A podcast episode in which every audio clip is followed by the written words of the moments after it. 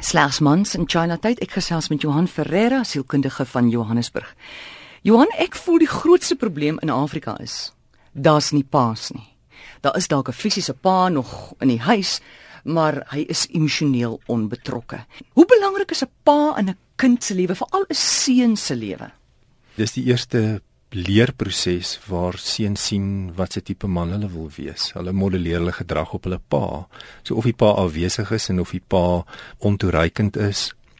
Uiteindelik is dit die plek waar jy jou manlike identiteit gaan van ontvang. Jy kan dit nie van jou ma ontvang nie, jy kan dit nie van jou ouma ontvang nie. Jy moet dit van 'n ander man ontvang.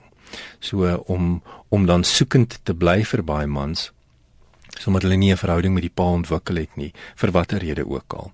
So paas moet besef hulle hulle belê nie net in terme van hulle eie lewe as hulle weet wie hulle is nie.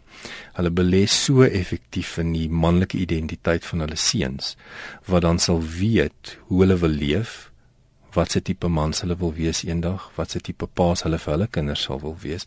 So dis 'n dis 'n dis 'n belegging wat wat uitkring in terme van die samelewing op op so 'n essensiële vlak. Daar is eintlik nie iets belangriker wat 'n man moet doen as om 'n behoorlike betrokke pa vir sy kinders en veral vir sy seuns te wees nie. As 'n seun nie 'n pa het nie, wat dan?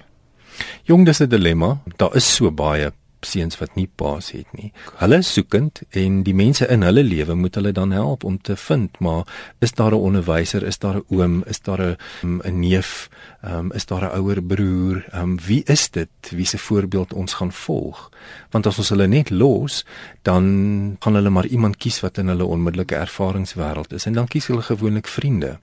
Nou Jy weet as jy nou jou eie vriende kies as rolmodelle, dan is dit natuurlik nou uit die aard van die saak gevaarlik want wat weet hulle nou eintlik van die lewe af? Jy weet, hulle leer ons dan nou van seks en van geld en van mag. En natuurlik is dit dan nou 'n groot gemors. Bill Cosby het gesê 'n huis sonder 'n pa is hartseer, maar 'n straat sonder pa's is katastrofies. Dit is so, die noodsaaklikheid van 'n effektiewe rolmodel. Um, ons almal se identiteit het dit nodig.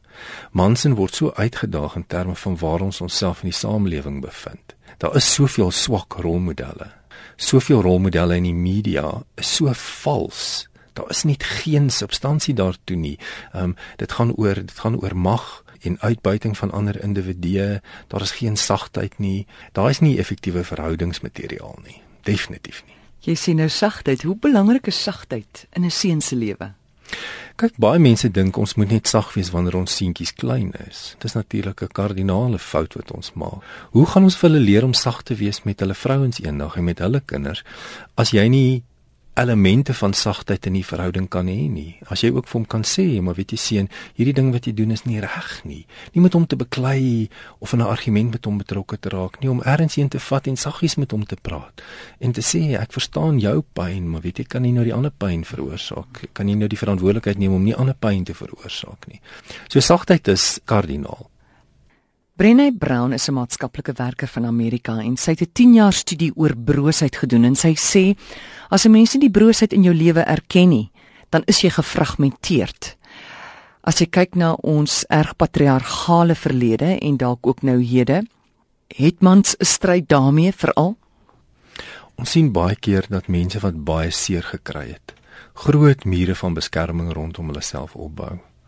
En dit maak hulle dan natuurlik geweldig kwesbaar as iets aan die binnekant verkeerd gaan. Dit help nou nie ons het 'n groot muur, maar die die chaos en die pyn en die seer kry gebeur eintlik binnekant die muur nie. Nou, dis wanneer ons met mense praat, dis wanneer ons met mense deel, dis wanneer ons vriende het, wanneer ons in 'n gemeenskap leef waar ons daardie pyn kan deel, waar ons kan sê maar weet jy iets het verkeerd geloop. Sonder om onsself bloot te stel, maar tog dit met iemand te kan deel. Dis in die deel waar ons uiteindelik ons gesond word proses kan kry. Ons leef in 'n moeilike deel van van die wêreldgeskiedenis waar mense nie tyd het nie en mense stel nie regtig belang nie of ons het die persepsie dat hulle nie belang stel nie.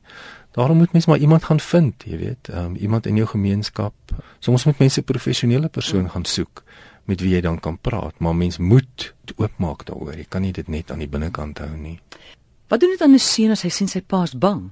As dit natuurlik toepaslik is, dink ek is dit goed. Ons mag maar wys dat dat iets ons emosioneel ontredderd laat voel. Ek sou net hoop dat ons as mans genoeg van 'n identiteit het om te besef dat ons nie die die kans moet verbygaan om te sê hierdie is vir my oorweldigend nie, maar wat gaan ek nou daaraan doen? Ek moet 'n plan hê. So gesels Johan Ferreira, sielkundige van Johannesburg.